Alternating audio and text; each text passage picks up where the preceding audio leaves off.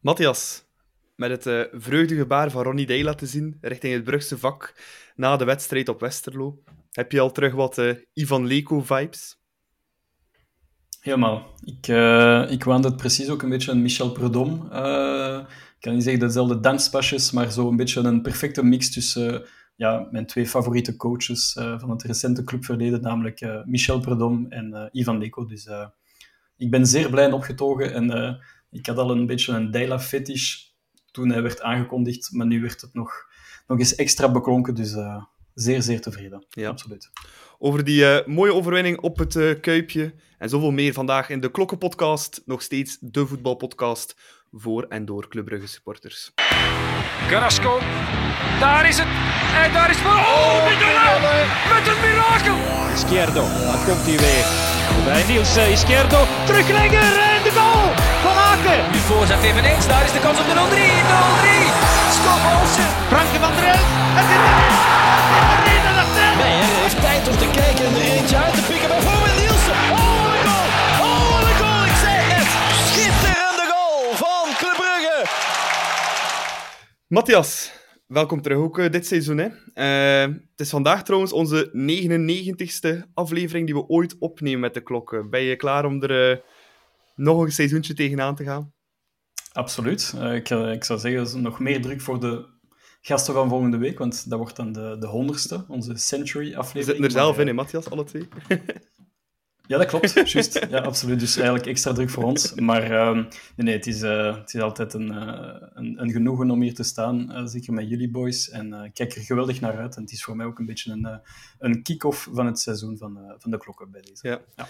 En ook dit seizoen is opnieuw Hans Noël erbij, bij ons in de Klokkenpodcast. Hans, klaar om terug een seizoen te knallen met, met onze podcast? Helemaal, laat maar komen.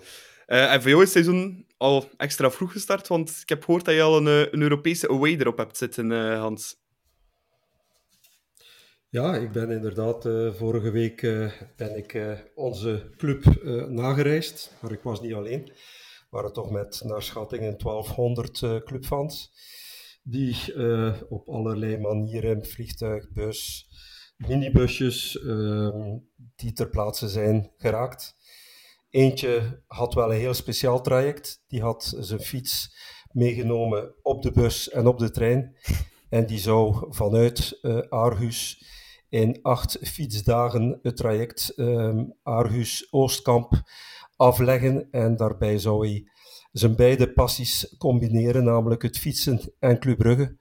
Uh, hij gaf aan dat hij door mooie natuur zou kunnen rijden.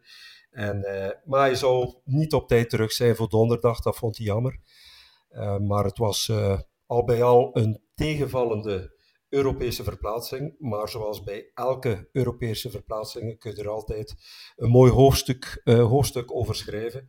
Dus dat was ook bij deze het geval. Mm -hmm. En um, tegenvaller dan enkel maar sportief of ook extra sportief? Mm, nee, 100% eh, sportief. Uh, ik moet zeggen dat uh, extra sportief, wanneer je met 1200 man het centrum van een Europese stad als, als Aarhus, toch de tweede grootste in Denemarken, op een donderdag uh, namiddag inneemt, dat dat toch altijd een, een leuk gevoel is, overal waar je in Europa gaat. Want dan wordt het centrum ingenomen door enthousiaste Club Brugge supporters. En Ehm, dus op dat vlak, uh, we zijn ook met zeven man, twee auto's heen en terug gereden, was dat een, een heel geslaagde Europese away. Maar sportief was dat een, een, dikke tegenvaller, omdat we toch het gevoel hadden dat Club Brugge uh, niet bij de zaak was. En ik had dat al in de namiddag, toen we er nog maar toe kwamen en de tickets gingen gaan ophalen in de Irish Pub, zagen we eerst Jorne Spileers, dan Odoi en Mechelen. En dan had ik zoiets van, ja, maar die mannen moeten die niet een tactische bespreking meemaken, moeten die niet rusten, moeten die geen sportmaaltijd nuttigen. Want het was van 1986 geleden dat ik op een matchdag Europees away nog spelers had tegengekomen. En dan liep het valikant af voor ons. Espanyol Barcelona, 2-0 heenwedstrijd, halve finales UEFA League en uh, UEFA ja, League. Cup beter en dan 3-0 in Espanyol. Dus ik begreep dat niet, maar dat is denk ik de, de nieuwe stijl. Ronnie Deila, die vrijheid, blijheid, uh, die ze die vrijheid geeft. En wanneer ze dan effectief uh, een goede prestatie neerzetten, uh, dan beloont die die manier van werken, denk ik. Dat was ook onder Howard in 86 zo.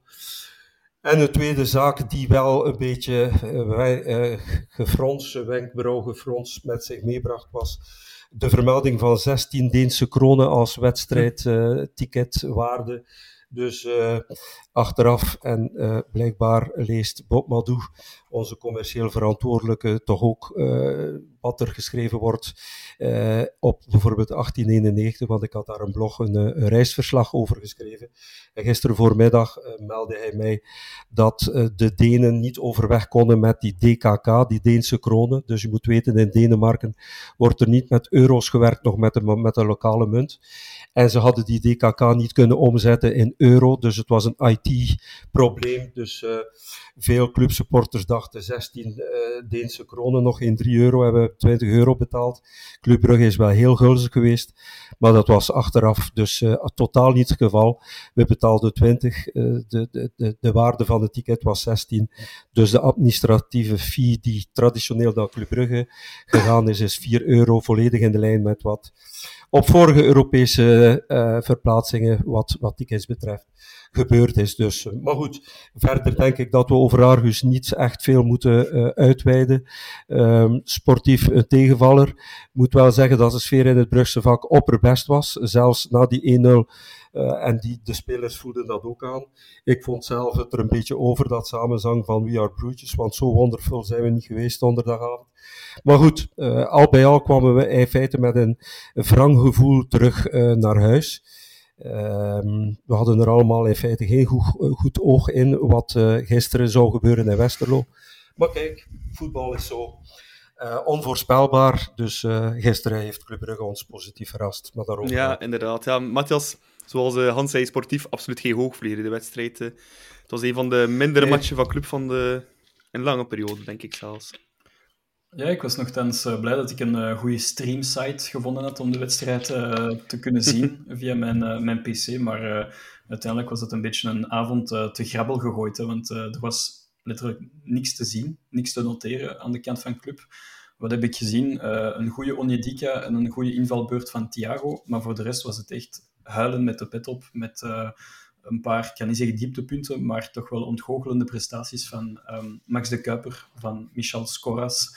Uh, van heel veel afwezige spelers. Uh, Hans van Aken, die, die de ploeg totaal niet op sleeptouw nam. Dus het was een uh, een en al ontgoocheling.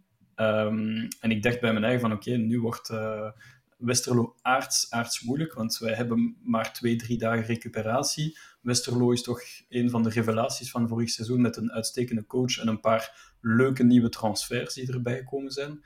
Dus ik dacht, oké, okay, het wordt uh, bijzonder moeilijk. En kijk, uh, gisteren hebben wij ze gewoon uh, kapot gespeeld, mm -hmm. bij zo'n spreken. Dus zo zegt Hans, voetbal is, is geen exacte wetenschap, het is nog maar gebleken. Ja, exact. naar het Kuipje, ja, nooit makkelijke verplaatsing. Alhoewel, de club heeft er nog niet vaak verloren. Het was al, denk 25 jaar geleden. Maar toch, sterke ploegen Westerlo. En zonder een echte linksachter, hè, Hans. Want het is onze ja, Kiriani Sabbe die op linksachter starten, hè. Uh, wat dat eigenlijk rechtsachter is. Ik had ze geswitcht.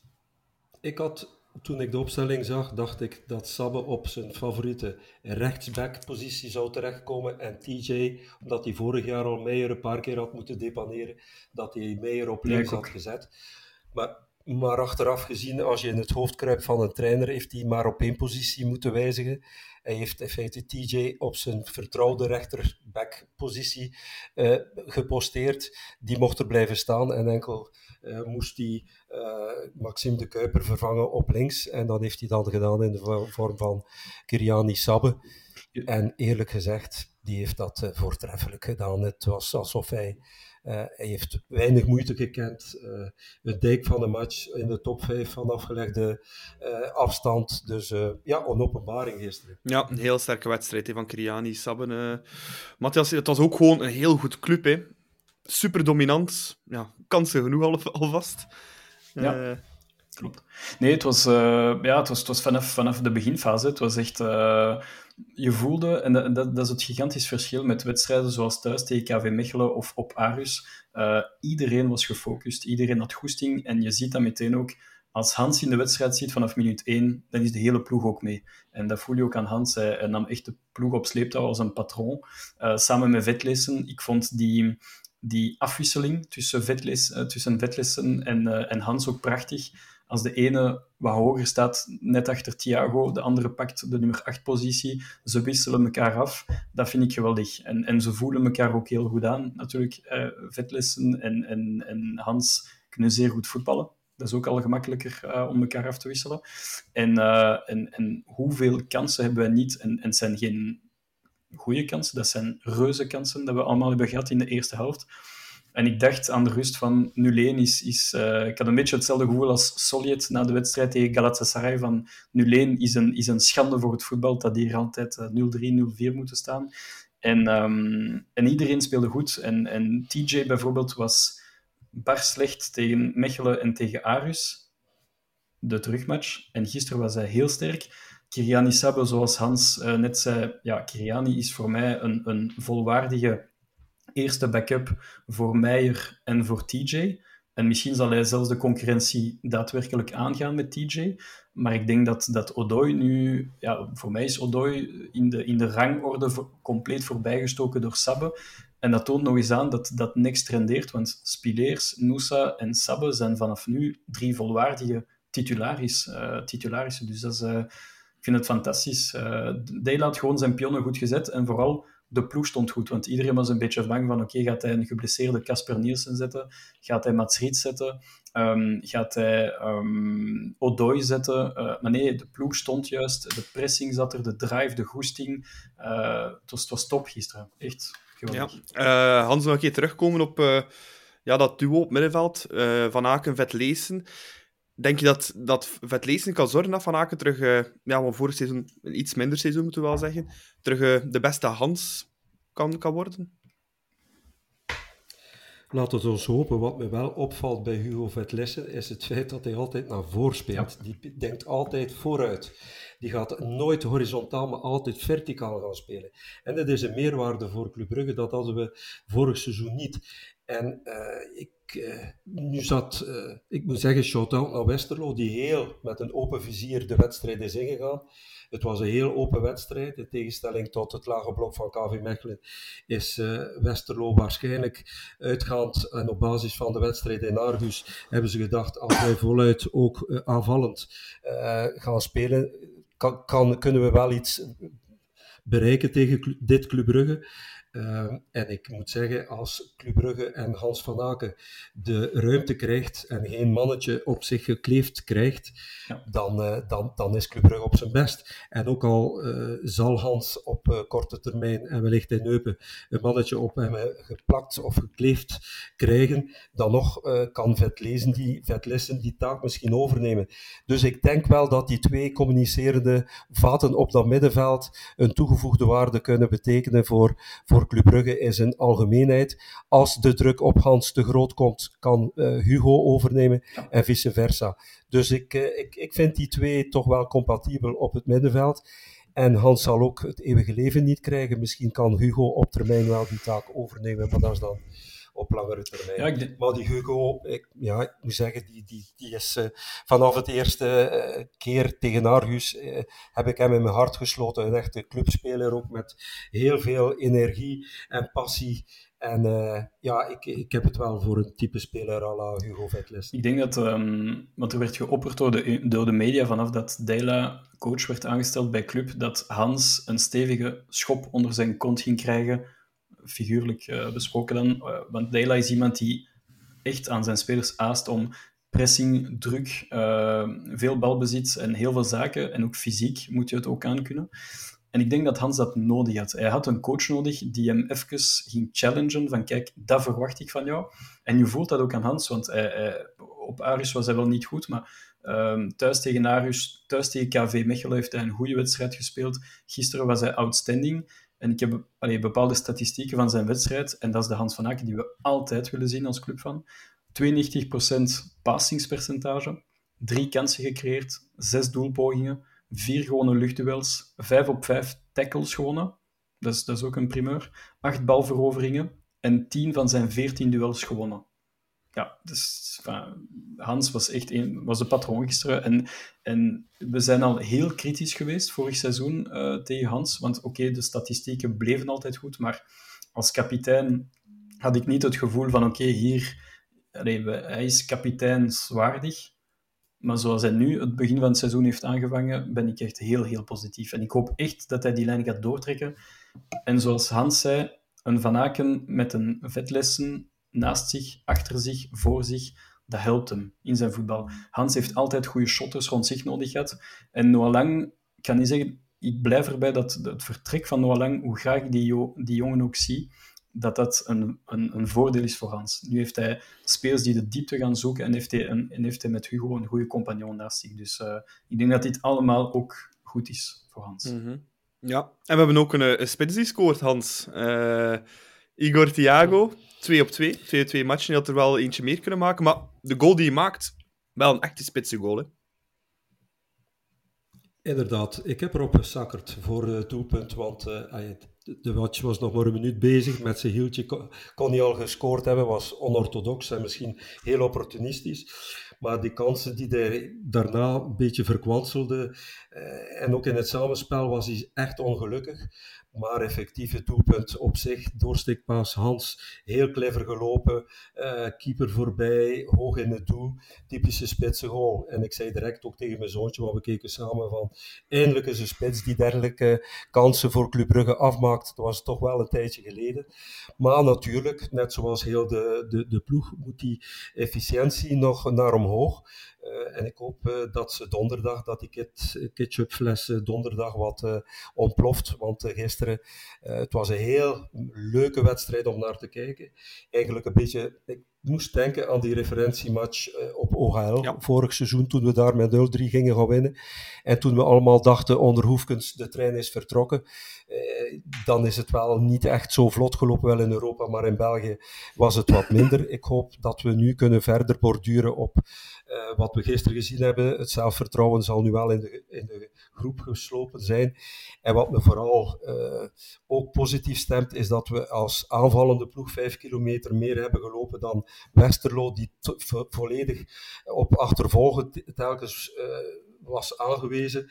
Dus uh, ook Hans en Onjedika, 12,3 kilometer. Van Onjedika kun je dat begrijpen. Maar Hans, we zeggen altijd die slomen, die tragen.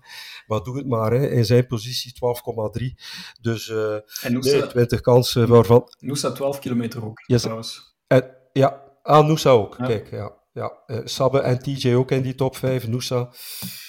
Ja, dus uh, heel uh, hoopgevende statistieken gisteren. Ook 59% balbezit. Uh, plus ook vind ik uh, eindelijk ook een, een 90 minuten sfeer vanuit het Brugse awayvak en, en echt Britse Engelse sfeer met vele spelerssongs, Covolsen, Hugo Vetlessen. Ja, dat hebben we er toch wel sinds het begin van het seizoen. Uh, vorig jaar, ik kan me niet herinneren dat we veel spelerssongs konden roepen ja. of, of zingen. En dit sterkt mij ook wel, qua sfeerbeleving, naar de toekomst vind ik dat wel een opsteker. Dat toch uh, die spelersongs weer uh, van onder het stof uh, worden gehaald. En dat die spelers dit ook appreciëren. Als je naam gescandeerd wordt, bijvoorbeeld Skof begin tweede helft, je ziet dat die jongen heropleeft en, en, en er verschijnt al een lachje. Dus nee, op, op, dat vlak was gisteren op, over heel de lijn wel een heel positieve ervaring. Ja, ja. Um, nog een van de uitblinkers, Matthias. Antonio Nusa. Ja, dat is, uh, ja. gaat een geestel worden voor uh, elke rechtsachter in uh, onze Jupiler Pro League, denk ik, als die speelt zoals gisteren. Het was de eerste keer dat ik echt het gevoel had, en, en eigenlijk als je in het stadion zit, merk je het nog, nog harder, want die, die linkerflank, Sabbe en Nusa was gewoon fenomenaal gisteren, oprecht. En, um, en ja, het is, een, het is een wonderboy. Hij wordt altijd beschreven als hij golden boy en hij, en hij gaat het maken. Maar bon, hij moest het nog altijd bewijzen, want ik heb, ik heb een paar zaken gezien van hem de voorbije twee jaar dat ik het gevoel had van oké, wauw, daar zit echt iets in, maar het ontbreekt zich aan rendement, aan efficiëntie. Terwijl gisteren, alleen met een beetje chance, had hij gemakkelijk uh, twee assists en twee goals, bij wijze van spreken. Want ook zijn stats spreken boekdelen. Hij heeft een uh, XG van 0,38. Hij heeft een XA, dus X-assist, van 1,40. Dat is heel veel. Uh, vijf key passes, zeven balrecuperaties. En met zijn X-assist van 1,40 ligt hij nu, sinds begin van het seizoen, voor als, op nummer 1. En achter zich heeft hij Peitsil, Mercier, Munoz en Trésor. Dus voilà, bon, het is er niet uitgekomen. Natuurlijk heel veel gemiste kansen door Thiago, begin van de tweede helft, et cetera. Uh, maar het zegt wel iets. En ik hoop dat er niet te veel scouts aanwezig waren uh, in Westerlo, want ik had echt het gevoel voor de eerste keer van oké, nu heb ik echt het, het potentieel gezien van Noosa en het kan alleen maar beter gaan. Dus uh, Noah Lang zei het nog één of twee jaar geleden van er is maar één opvolger op mijn positie en dat is Antonio Noosa. En als Noah Lang zoiets zegt, dan, uh, dan weet je dat hij wel gelijk heeft. Dus uh, nee, chapeau. En ik hoop echt wel dat hij op zijn minst nog een jaar blijft, want die gaat nog serieus potten breken bij ons. Ja. Er is zo'n gezegde Hans in het voetbal, die zegt als je kansen niet afmaakt, dan krijg je het, het deksel op de neus. Het was 0-1. Ehm, ja, het was wel spannend nog op het einde. Hè. Um, Westerlo die toch nog een paar keer kwam opzetten, maar ja, echt in de problemen zijn we nooit echt gekomen, heb ik de indruk. Nee, die vrijschop uh, door Mignolet toch gered. Uh, uh, ja, een paar keer hebben, hebben ze de neus aan het venster gestoken, maar toch, als clubsupporter in, mijn zetel deze keer, was ik nooit op mijn gemak totdat het effectief de wedstrijd voorbij was. En ik vind het, ja, de, de coach en de spelers zijn het ook. We have to kill the game much earlier effectief uh, een betere club had die tweede en derde gemaakt. Ja. Um, en daardoor breng je jezelf nog een beetje in moeilijkheden. Maar achteraf gezien was het een heel volwassen prestatie, dominant, gecontroleerd van begin tot einde. En ja, een, een wedstrijd zonder kansen weg te geven bestaat niet. Uh, maar het had al veel eerder beslist moeten zijn, waardoor we niet nodeloos met de billen genepen die laatste tien minuten moesten beleven. Maar goed, uh, als er nog één iets kan verbeteren, is zeker die efficiëntie. En, mm -hmm. en. Vorig jaar hadden we misschien wel die 1-1 uh, nog in extremis gepakt. Ja. Dus uh, Ja. al bij al. uh, maar het was toch wel een zucht van opluchting toen die, die wedstrijd was, werd afgevoerd. En om misschien terug te komen op Thiago, dus, ik vind dat een heel, heel grappige speler, want hij heeft het, een beetje het stunten liggen van Joseph Akpala. Maar tegelijkertijd, ja, hij heeft iets. Ik, um, ik snap waarom dat, dat Dela hem echt als, als nummer 1 spits zet. Um, boven Chuk, want bijvoorbeeld Jaremchuk is, is ingevallen, denk ik, rond minuut 75. En Jaremchuk heeft zeven keer balverlies geleden, terwijl Thiago heeft ook zeven keer balverlies geleden, maar wel op 75 minuten vergeleken met 15 minuten. Dus dat is wel een, een groot verschil. Um, maar ik, ja, ik denk nog altijd dat, dat het goed komt met Thiago. Hij, heeft, hij heeft vooral je voelt ook dat hij bijzonder goed in de groep ligt. Je zag het ook net na zijn goal. Iedereen knuffelde hem, heel het publiek ging naar hem. En, uh, en ook na de wedstrijd, Dela pakte hem vast. Bon, hij pakte wel iedereen vast, maar, maar Thiago ook specifiek. Um, het komt goed. Ik heb, uh, ik, want er zijn veel er zijn mensen die heel kritisch zijn ten opzichte van Thiago, want heel veel missers. Maar bon, na twee competitiewedstrijden, twee goals, oké, okay, dat is efficiënt. Mm. En ik denk, zoals Hans zei, als die ketchupfles komt, dan, dan is er geen houden meer aan. En hij zal nog altijd dat stuntelige blijven behouden in zijn spel. Maar als hij maar goals blijft scoren, ja. ja be maar en, ook, en ook in het samenspel toch ook niet slecht, hè, Matthias? Als je bijvoorbeeld dat hakje zag op uh, die assist van Scott Olsen. Ja, dat is wel ja. heel, allee, heel... Dan mag je wel een paar keer balverlies blijden als je dan wel zoiets doet. Um...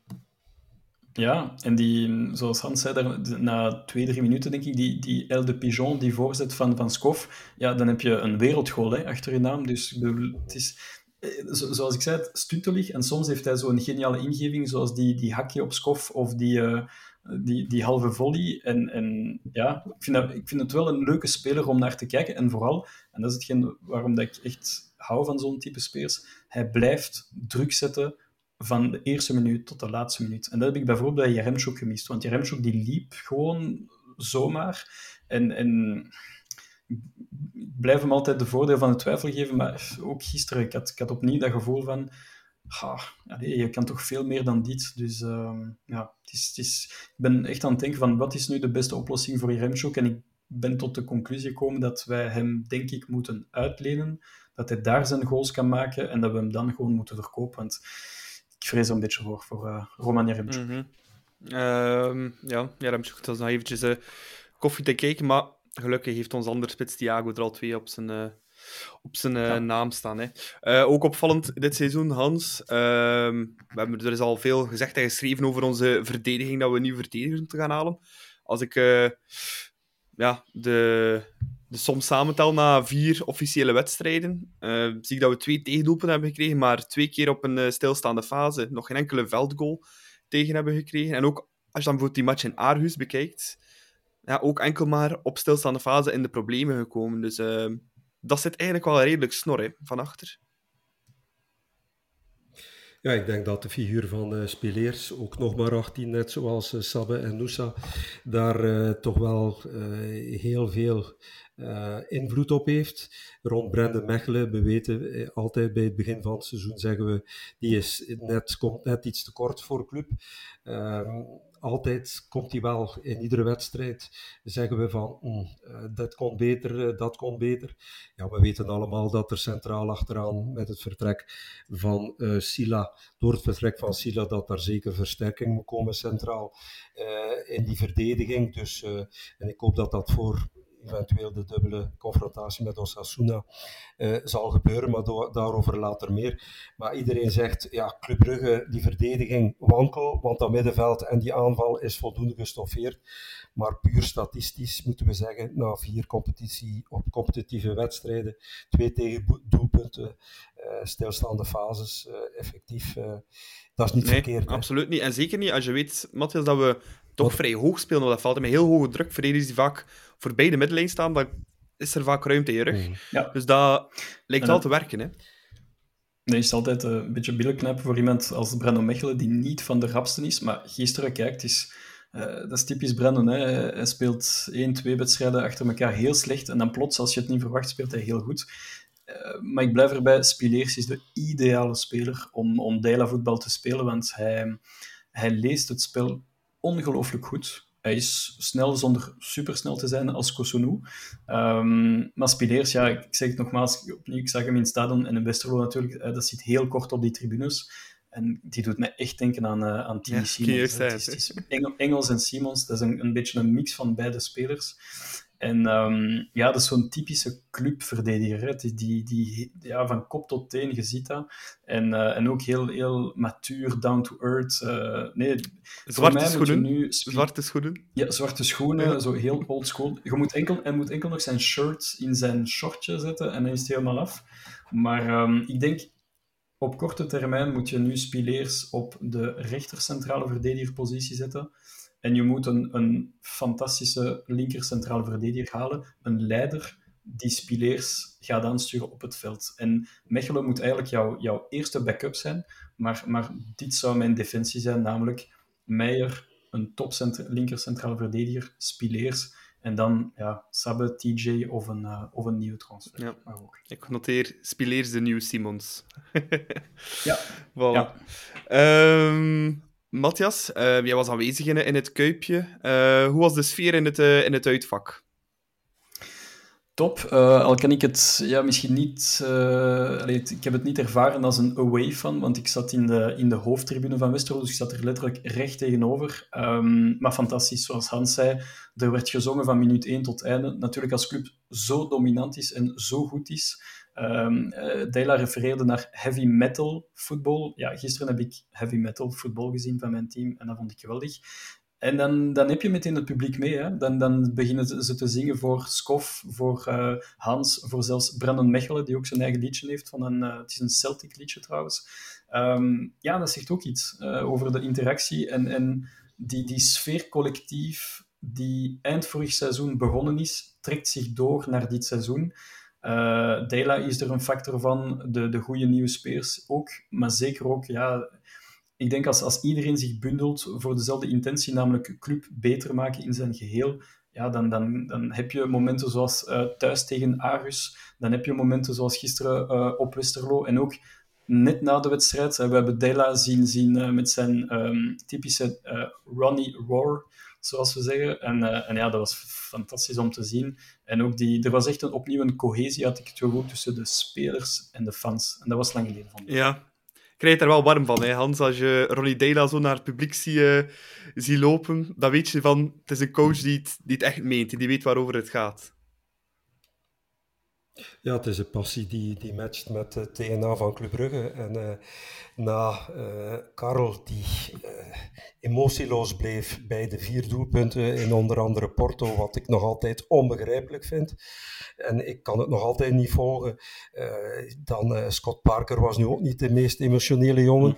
Rick is, is ook best op zichzelf en, en zal niet echt expressief zijn. Ja, Ronnie Deila heeft met zijn Ronnie Roar gisteren toch wel iets in gang gestoken en, en het past bij club.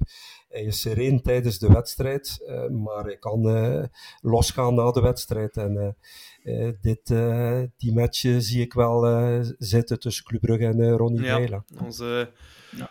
Noors dynamiet Ronnie Deila.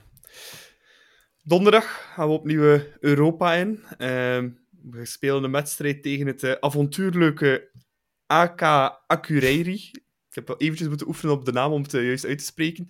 Um, Lijkt me correct. Ja. ja. Maar uh, Hans, jij kende Akureyri. Beter zelf, je hebt er zelf een beetje een band mee.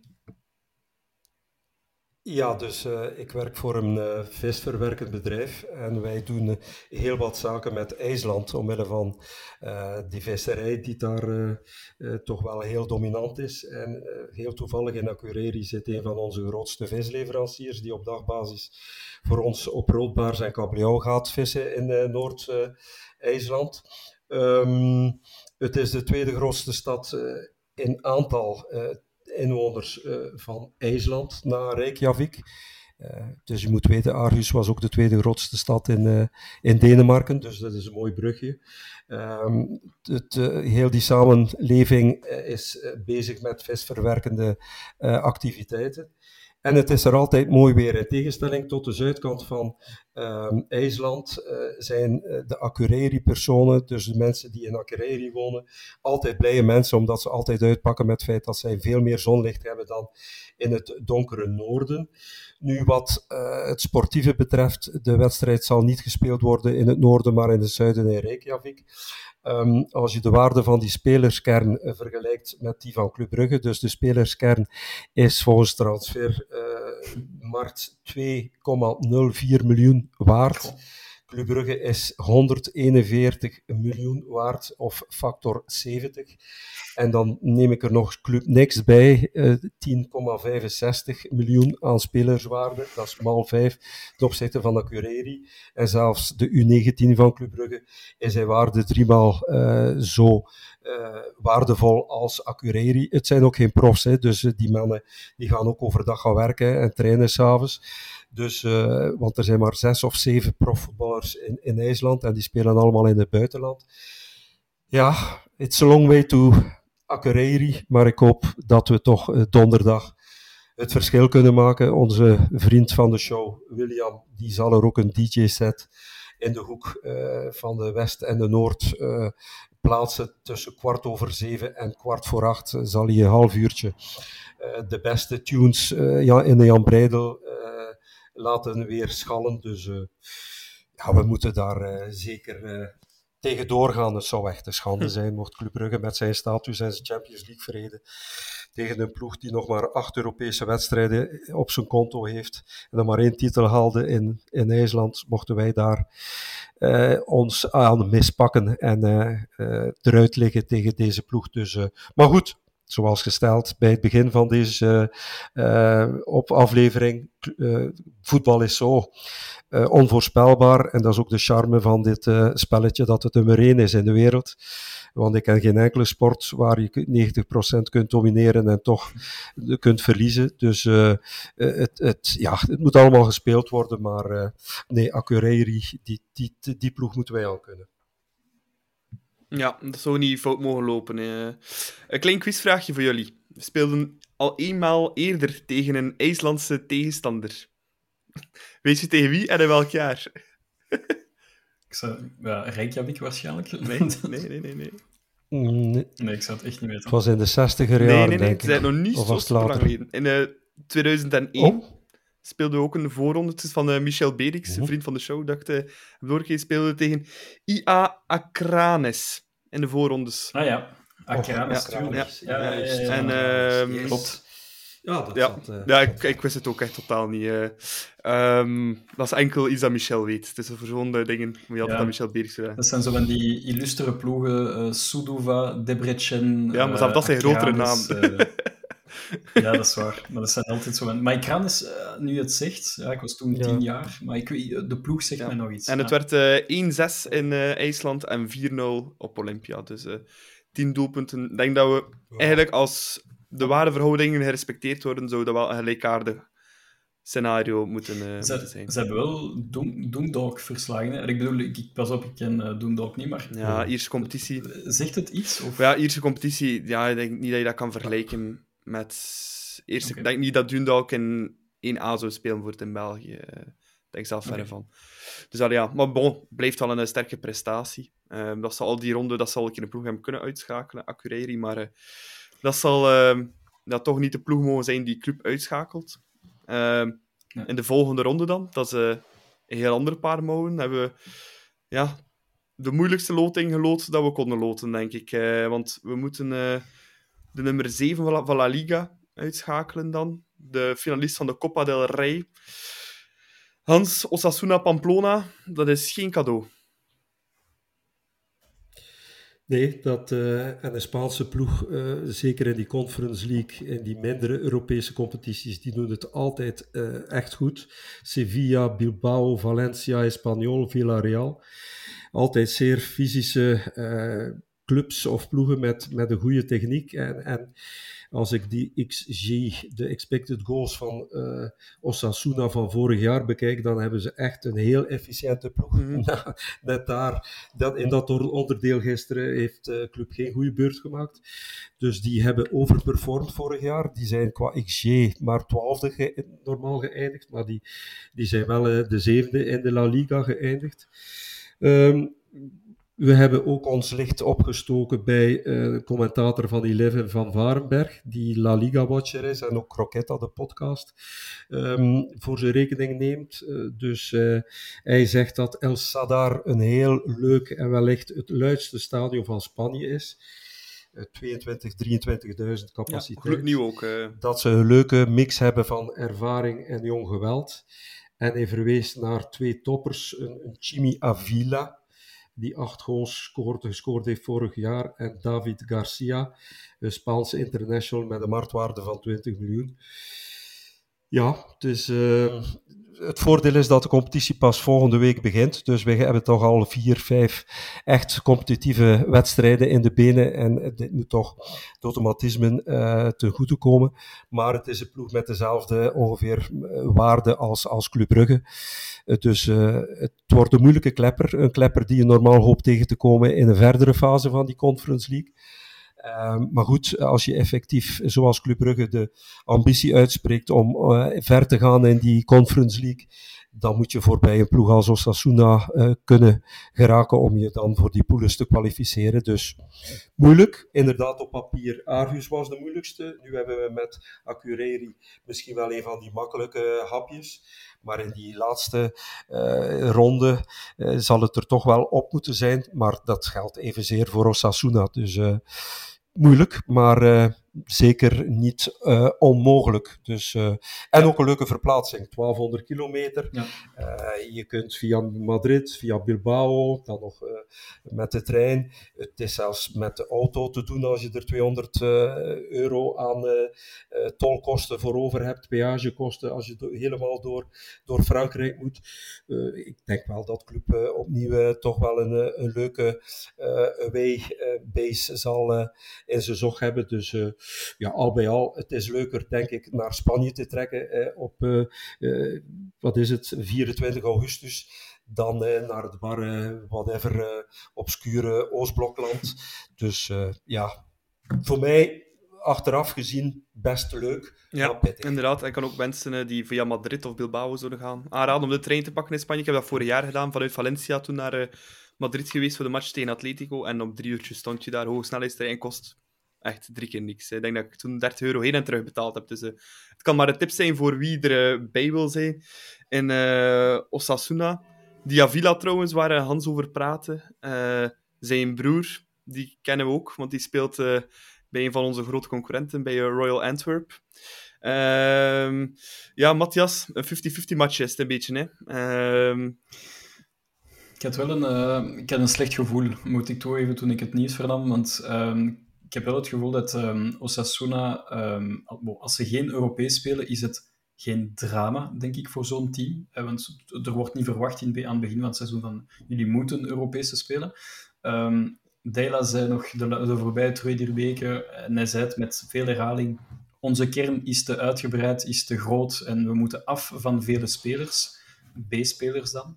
Um, dus als wij geen Europees halen, en dat kan zomaar tegen Osasuna, want voor mij is het echt een 50-50 geval, dan hebben we een zeer, zeer groot probleem. Het zou een drama zijn als we geen Europees spelen. Dus daarom was ik echt wel uh, bijzonder... Ik had een geweldig kutgevoel toen ik het, uh, de loting zag. En um, ja, we moeten er echt over, want, want anders uh, gaan bepaalde spelers misschien moeten vertrekken, want dan kan je geen speeltijd gunnen en geven aan een Sabbe, aan een De Kuiper, aan, aan een Scoras. Um, dus ja, het is... Het is uh, ja.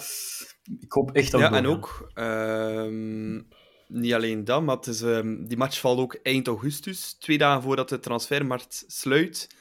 Ja, ja. Is, is die terugwedstrijd in Jan Breidel. Um, dus ja, om dan nog veel spelers weg te doen en zo, dat is allemaal zo evident dan niet meer. Dus, uh, ja. dus ja, het zal... Uh... Misschien even correctie. Uh, Nicola, bij, in België moeten ze altijd anders doen. Transferperiode ah, tot 6 september. Ja. Eén weekje langer dan in de andere Europese landen. Ja, ik wist het ook niet, maar ben het uh, vandaag bij het inlezen uh, tegengekomen. België 6 september, blijkbaar een week okay. langer. Nee, bedankt voor de correctie. dat, is zeker, dat is zeker juist. Dus ja, worden heel potige tegen Osasuna. Als we daar geraken, natuurlijk eerst voorbij uh, Akureyri. Maar dat zou geen probleem mogen zijn. Ehm, we gaan deze week ook weer onze nieuwe rubriek uh, lanceren. De rubriek Hoe is het nog met? Puntje, puntje, puntje. Uh, vandaag gaat Matthias ook weer een uh, speler voordragen die Europees ook wel toch een paar keer belangrijk is geweest voor club, maar echt een, ja, ja. ja, een echte cultspeler. Is toch ook wel een van mijn persoonlijke jeugdhelden. maar zeg maar over wie dat het gaat, Matthias. Ik denk dat we allebei zijn, uh, ik kan niet zeggen opgegroeid, maar wel onze, onze jeugdjaren hebben gekend met deze speler.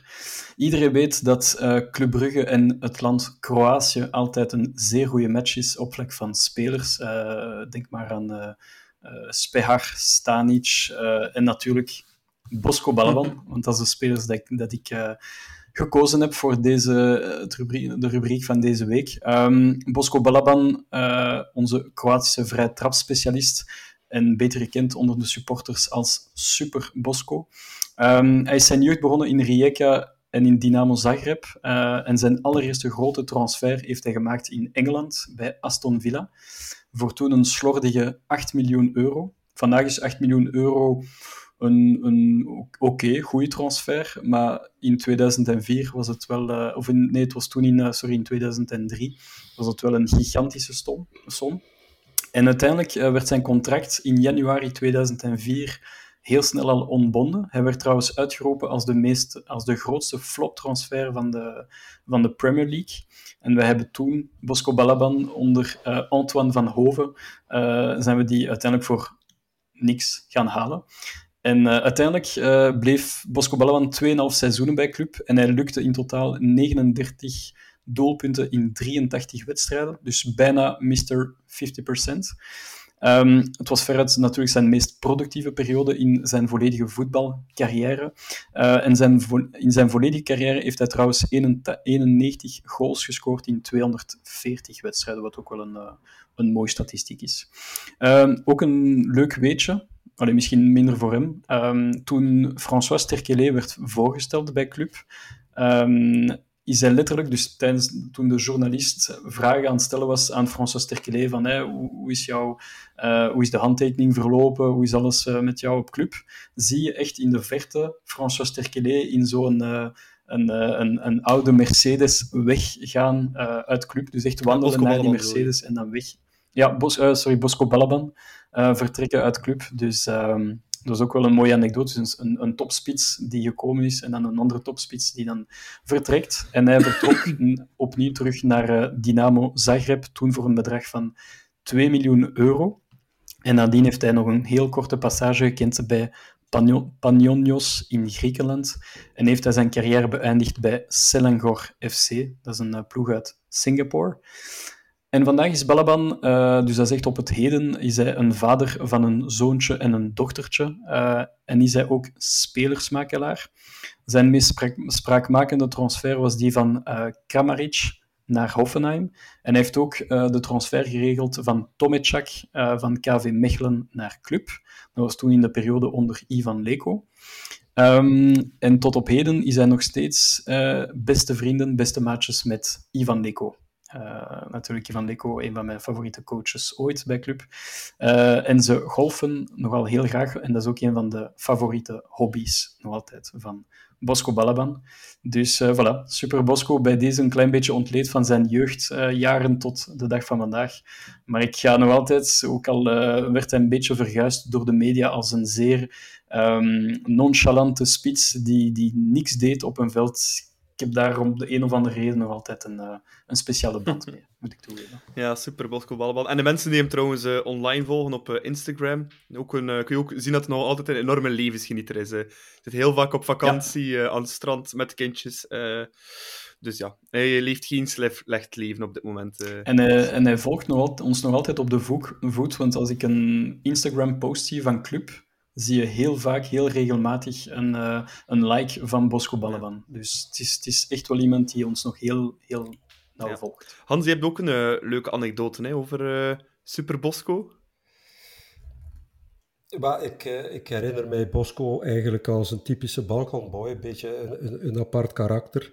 Uh, ik weet uit goede bron dat hij uh, er op training de, de, de hoekjes van afreed. was echt uh, absoluut geen trainingsbeest.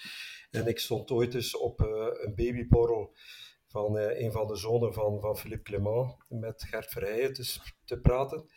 En hij zei, Bosco Ballaban, oh, altijd... Uh, ik kon, ik kon, Gert kon Bosco niet uitstaan als collega tijdens de week. Want uh, hij had altijd de blessure tijdens uh, de week. Hij was fit in, in, het weekend. Een beetje, altijd is Kortjakje ziek midden in de week, maar zondags niet. Dat was de Bosco.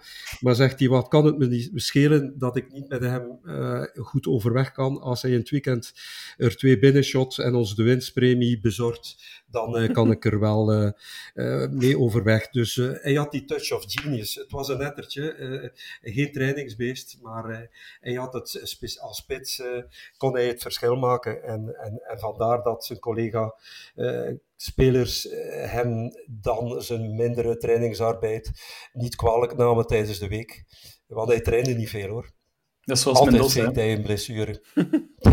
ja, weet je nog, Nicola? Uh, Peter van der Rijden had ook gezegd, hè, net hetzelfde tijdens de podcast. Uh, Andres Mendoza, hij scoorde in het weekend en tijdens de week gaf hij de brui aan. En uh, oké, okay, Balaban dat is nog iets anders, want zoals Hans zegt, een typische Balkanboy met een aparte mentaliteit. Maar ja, het is... maar ik vind dat het geeft kleur ja, aan een bepaalde En een heel goede, heel goede vrije trap.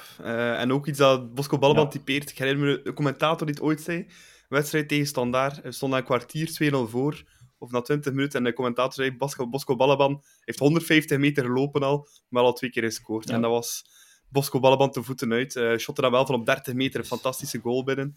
Uh, maar lopen, uh, ja, dat was niet aan hem besteed. De bal erin shotten, dat was zijn specialiteit. Maar Matthias, je hebt wel één specifiek moment dat je nog een keer bij wil pakken hè, over onze Super ja. Bosco.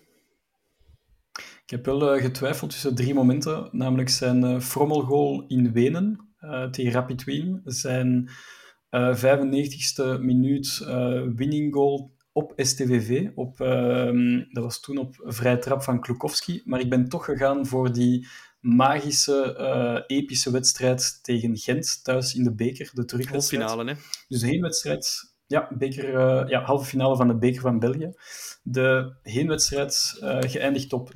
Het was 3-0 na 90 minuten en Balaban lukte nog net de 3-1 helemaal op het einde, wat ons kansen nog een heel klein beetje gaaf hielden. En de terugwedstrijd, um, de eerste helft was uh, fenomenaal van club, behalve van één speler, Bosco. Dat was een drama die niks lukte. Uh, zijn passes, zijn, zijn schoten, niks, niks, niks lukte. Terwijl de hele ploeg het heel goed deed. Het was ook 1-0 bij de rust na een snelle goal van um, Ivan Deko op wereldassist van Manasseh Ishiako. En uh, helemaal in het begin van de tweede helft, um, onze twee verguisde spelers, volgens de media en sommige fans, Brian Priske, uh, die niet bepaald populair was bij de club aanhang. Geweldige assist. En dan paf, in één tijd. Uh, even controleren, heel snel. Die, die, die bal chipt een klein beetje naar omhoog. En hij puntert die bal voorbij Herpoel, die totaal geen kans maakt. En 2-0. En um, eigenlijk is het dankzij Bosco tijdens een compleet dramatisch seizoen onder Sedomir Janevski. Uh, ik denk in, in, um, in, de, in de, ik ging zeggen de Jupiler Pro League, de Jupiler League, stonden wij 6, 7 of 8. Dat zijn we geëindigd. Uh, een drama. Ja. ja, het was echt een, een snertseizoen in de competitie. Maar in de beker, kijk, uh, die twee be superbelangrijke goals van Bosco, waardoor dat we dan in de finale mochten tegen Standaard. En uh, daar levert hij trouwens de, de assist op Manasseh Ishiaku, uh, die scoort in ja. de, op de heizel. Balaban, dus het is eigenlijk dankzij... met de assist met het hoofd. Hè. Weten, die mensen ja, kon ook niet koppen, dus dat was ook... Nee, nee, die kon gewoon ja, scoren met de voet. En om maar te zeggen, want we waren bezig onlangs van de club heeft nooit één jaar zonder Europees gespeeld. En wel dat snertseizoen is 100% dankzij Bosco Balaban dat we toch nog Europees hebben gespeeld het jaar erop na Senomir Janeski. Dus bij deze bedankt Bosco en typisch Bosco, want het, niks lukte hem tijdens die twee wedstrijden tegen Gent, maar toch twee superbelangrijke goals. Dus uh, thanks Bosco. Voilà. Super uh, Bosco Balaban. We dragen hem altijd in ons hart mee. Uh, hij zal altijd een beetje een cultspeler blijven uh, voor iedereen ja. die hem ooit zag, zag spelen op Club Brugge. We zijn nog altijd midden van de zomer, nog altijd volop in de transfer Mercato. Veel geruchten doen de ronde, Hans. En als ik vanochtend mijn smartphone opendeed op de nieuwsites, dan zag ik toch wel heel opvallend bericht staan. Een gevoelige transfer die mogelijk op til staat. Mats Rits naar de paars-witte ploeg uit Brussel. Wat moeten we ervan denken? Wat denk jij ervan, Hans? Wat ik ervan denk is dat Mats na zijn lange afwezigheid en zijn blessure vorig jaar nog niet op het niveau is van voor die blessure. Eén. Twee, Mats is 30 jaar. Heeft nog een contract tot volgend seizoen. Dus het is het laatste jaar als club niet verlengd om er nog wat munt uit te slaan. En er is het geval en het precedent uh, Ruud. Um, we hebben Ruud in feite als dertiger een te lang contract gegeven. En ik denk dat Club Brugge een lesje geleerd heeft. Dat laatste jaar hebben we niks gehad aan Ruud, maar hebben we wel maandelijks die som moeten neerleggen.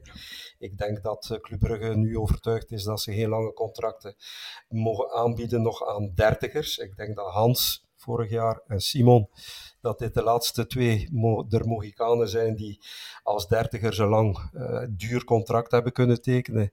En ik vrees dat uh, voor uh, Mats het einde verhaal is en de link met de Moves. Dit, daar heb ik geen goed gevoel bij, want het is normaal dat dat gevoelig ligt. Ik hoop als we moeten afscheid nemen van Mats, dat het dan eerder uh, buitenland, richting buitenland is. Uh, maar ik begrijp Club Brugge, uh, zeker door de komst van Zinkernagel en Hugo Vetlesse, hebben we toch op die aanvallende middenveldpositie op de acht nu toch wel twee uh, pionnen. En, en Mats is, op, uh, is 30 jaar. Uh, ik kan er mij wel iets bij voorstellen dat er nu gepraat wordt met uh, potentieel nieuwe uh, of andere teams. Ik vind het jammer voor Mats.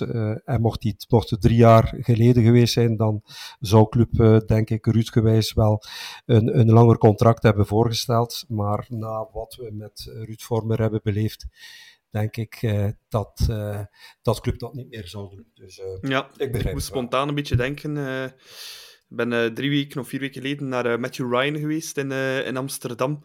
Um, en dan ook heel, allee, heel wat met hem gebabbeld. Ook tijdens interview is ook te sprake gekomen, want dat er ook voor hem destijds interesse was vanuit, vanuit Paars-Wit. Um, ja, en ik, en, ja, ik heb heeft toen ook gezegd en uitgelegd van ja, soms moet je keuzes maken waar je niet per se wilt, maar die ook toevallig zo zijn. Ja, zijn contract loopt af van Mats hier bij Club. En ja, er ligt een driejarig contract klaar bij, in, in Brussel. Dus het is ergens vanuit het spelerperspectief wel 100%... Allee, wel te verstaan dat hij zoiets in overweging neemt, ook al is het een grote rivaal.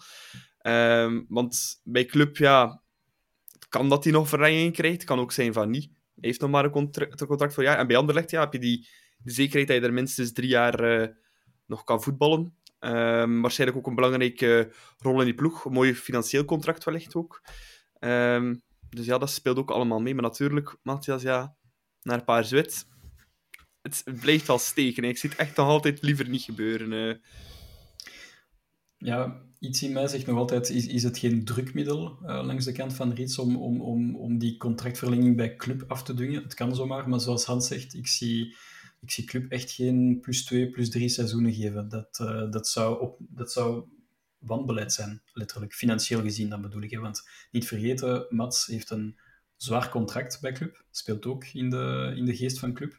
Van het bestuur bedoel ik dan. Um, ik, ik versta iets, uh, want uh, trouwens, hij, zit momenteel op Anderlecht uh, onderhandelingen te voeren. Um, ik versta hem. Ik bedoel, je krijgt plus drie jaar aangeboden, dus tot je minimum jouw 33ste, aan een mooi loon. En hij wordt ook op het middenveld de absolute patroon. Want op dit moment het middenveld van Anderlecht ja, trekt letterlijk op niks.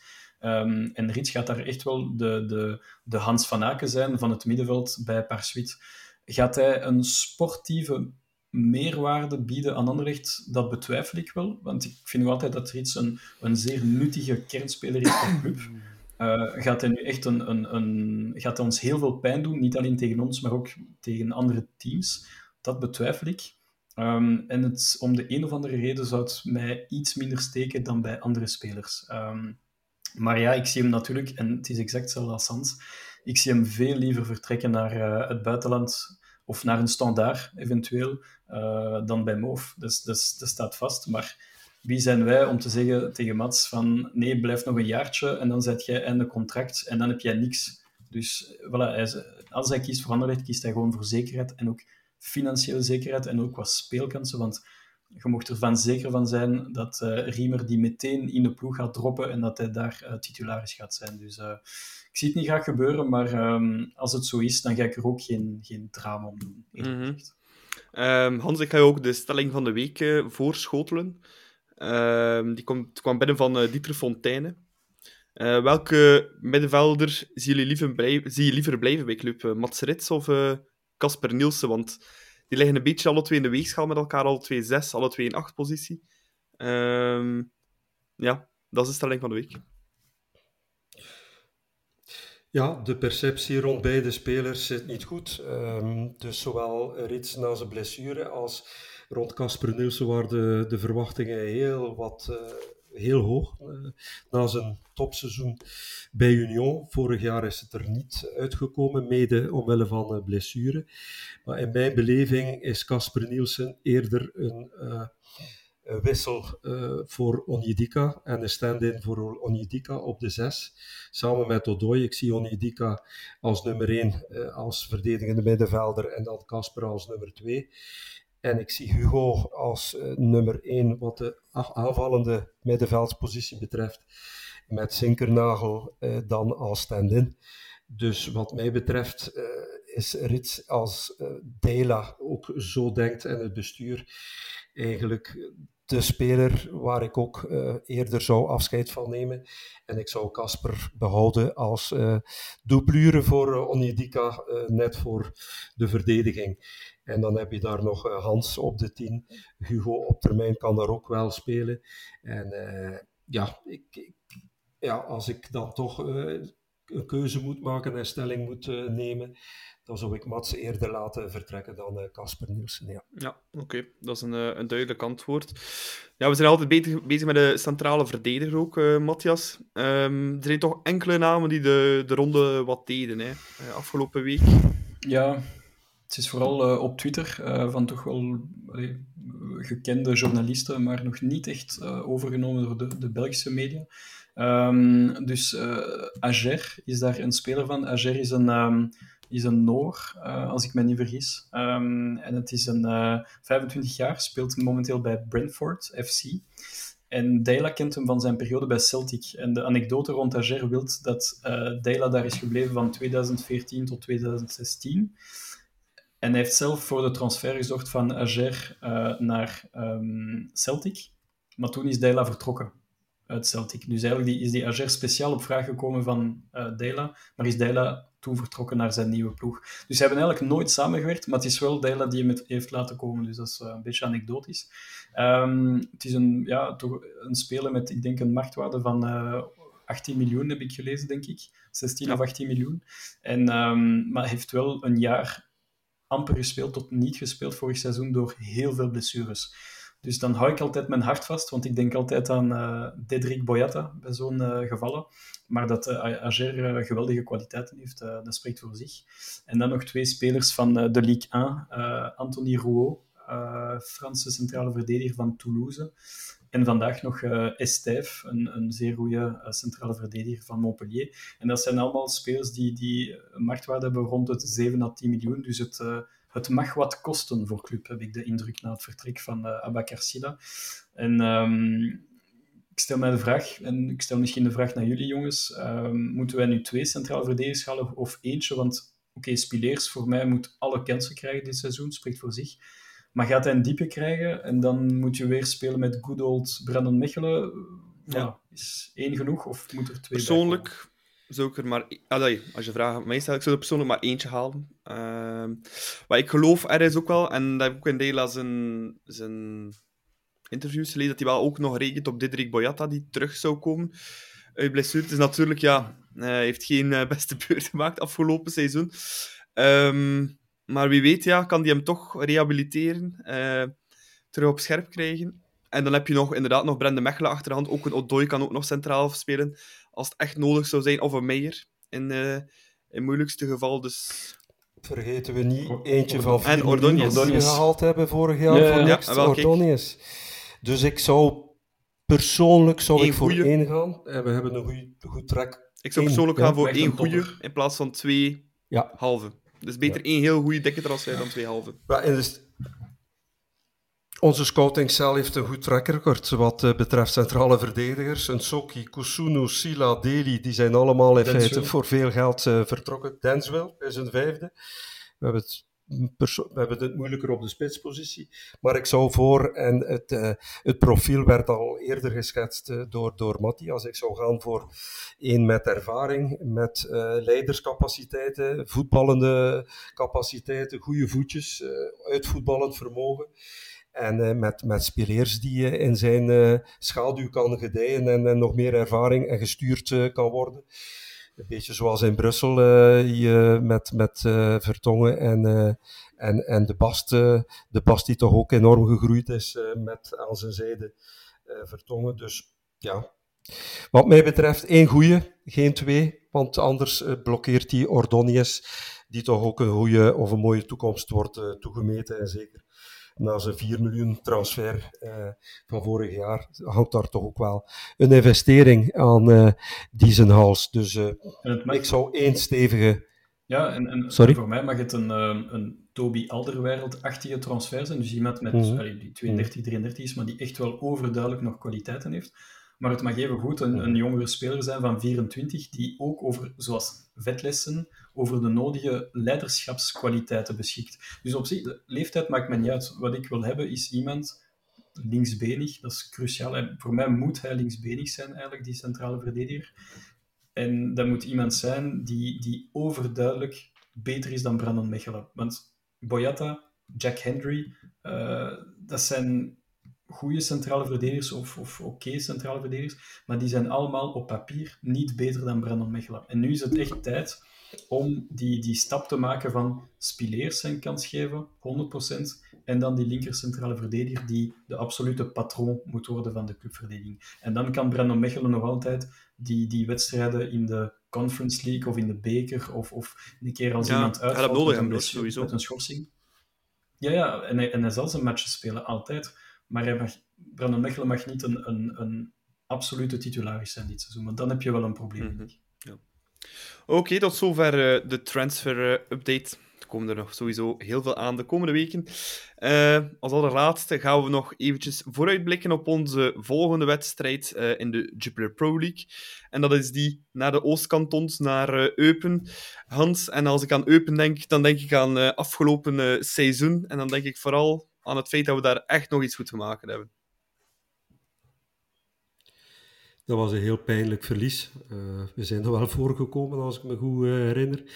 Maar dan twee verlies, heel pijnlijk. Uh, ik herinner mij nog Hans van Aken, die zei, ja, ik weet niet wat wij in feite hier lopen te doen. Er is geen match aanpak. we zijn nog niet op elkaar ingespeeld. Uh, langs de andere kant, Eupen is natuurlijk heel goed begonnen. Uh, weliswaar 2-2 nog moeten toestaan uh, thuis tegen Westerlo. Maar als je 0-1 gaat winnen op Genk, dan is dat toch wel beste referentie. Dus ik verwacht ook een, laag blok, geen open spel zoals op Westerlo gisteren in het Kuipke. die mannen staan met 4 op 6 te blinken. Ehm, ik laat me wijsmaken dat we met duizend fans, dus dat we een dubbele tribune krijgen achter het doel. Uh, ik hoop dat we massaal zondag om vier uur uh, Club Brugge daar kunnen steunen en, en, en verbaal uh, ze naar die overwinning kunnen schrijven, want ze moeten bevestigen wat ze gisteren hebben getoond. maar goed, in aanloop naar um, deze wedstrijd heeft onze vriend van de show, Nico van Halen, even de, de elf starters van vorig jaar opgesomd. Mignolet, Unsoki, Hendry, Mata, Sobol, Balanta, Nielsen, Hans, Skof, Noah en Jutgla. Met een beetje geluk spelen vier van die elf uh, zondag. Want Unsoki is vertrokken, Hendry, Mata, Sobol, Balanta zit nog uh, in de, in, de B-kern, Noah is weg, Jutgla is nog geblesseerd. Ja, uh, vier van de elf mogelijks. En als Casper op de bank begint drie van de elf. Dus we hebben toch wel een metamorfose doorgemaakt. En hadden we niet gezegd op het einde van vorig seizoen, er moet een reset komen. Dus uh, ja, we zijn bezig aan die reset. Hè. Dus uh, met Zinkernagel nog uh, op komst. met een eventueel nieuwe centrale verdediger nog. ja, in feite doet Club Brugge wat wij wel hadden verwacht. Namelijk de ruggen, die dynamiek. ook, ook, de keuze voor Ronnie Deila kadert daarin. Maar goed, het blijft natuurlijk een, eh, een linker verplaatsing. Uh, maar ik heb er wel een goed over. Ja, en als we dan vorig jaar ook terugdenken, uh, Matthias, denk ook aan die 7-0 terug tegen uh, Eupen thuis, waarin we ons kwalificeren ja. voor play-off 1. Dus wel een, ook in de, Een mooie herinnering. om af te sluiten ga ik jullie nog een pronostiekje vragen voor de beide wedstrijden die eraan komen tegen AK Akureyri en Eupen. Matthias, ik zeg um, ehm, 3-0 donderdag. En op Eupen verwacht ik iets meer efficiëntie. En dan ga ik voor 1-3. Oké, okay, 3-0, 1-3. Zes doelpunten, eentje tegen. Dat is niet slecht. Mat, uh, Hans? Ik had 4-0 opgeschreven en 1-3. Dus die 4-0 voor donderdag, dat kan ik weer houden. En aangezien dat uh, Matthias 1-3 heeft gepronosticeerd, ga ik voor 1-4 op Eupen. Ja, oké. Okay, ik ga voor... Uh, twee clean sheets gaan. Ik ga voor een 6-0 tegen Akureyri en een 0-1 op het veld van Eupen, net als afgelopen zondag. Voilà. Allemaal uh, positieve pronostieken, dus uh, kijk. We kijken er al naar uit naar uh, komende donderdag en komende zondag. Voilà. We zijn helemaal ook op het einde gekomen van deze tweede aflevering van het seizoen van de klokken. Zoals gezegd, volgende week de jubileum-editie. Uh, Matthias, wij zijn er al twee al het langs van al bij bij de Klokkenpodcast. Dus uh, wel heel leuk dat we die samen kunnen doen. Ehm, dus ja, dat wordt nummertje 100 dus van de, de Klokkenpodcast. Ik ga ook Hans bedanken voor er vandaag opnieuw bij te zijn en zijn deskundige mening en ja, mening te geven hier in, de, in onze podcast. En ga ik ook de luisteraars bedanken om uh, te luisteren en te kijken. Volg ons zeker op Twitter en op Instagram op de Klokkenpodcast. En op YouTube kan je ook uh, onze afleveringen bekijken. Tot volgende week, tot een nieuwe aflevering van De Klokken. Carrasco, daar is het. En daar is het. Oh, oh met een mirakel. Izquierdo, dan komt hij weer. Bij Niels uh, Izquierdo, teruglegger en de goal van Aken. Nu voorzet even niks, daar is de kans op de 0-3. 0-3 toch Olsen. Frankie van der Elf. Het zit erin. Het zit erin. En dat Nee, hij heeft tijd om te kijken en er eentje uit te pikken bij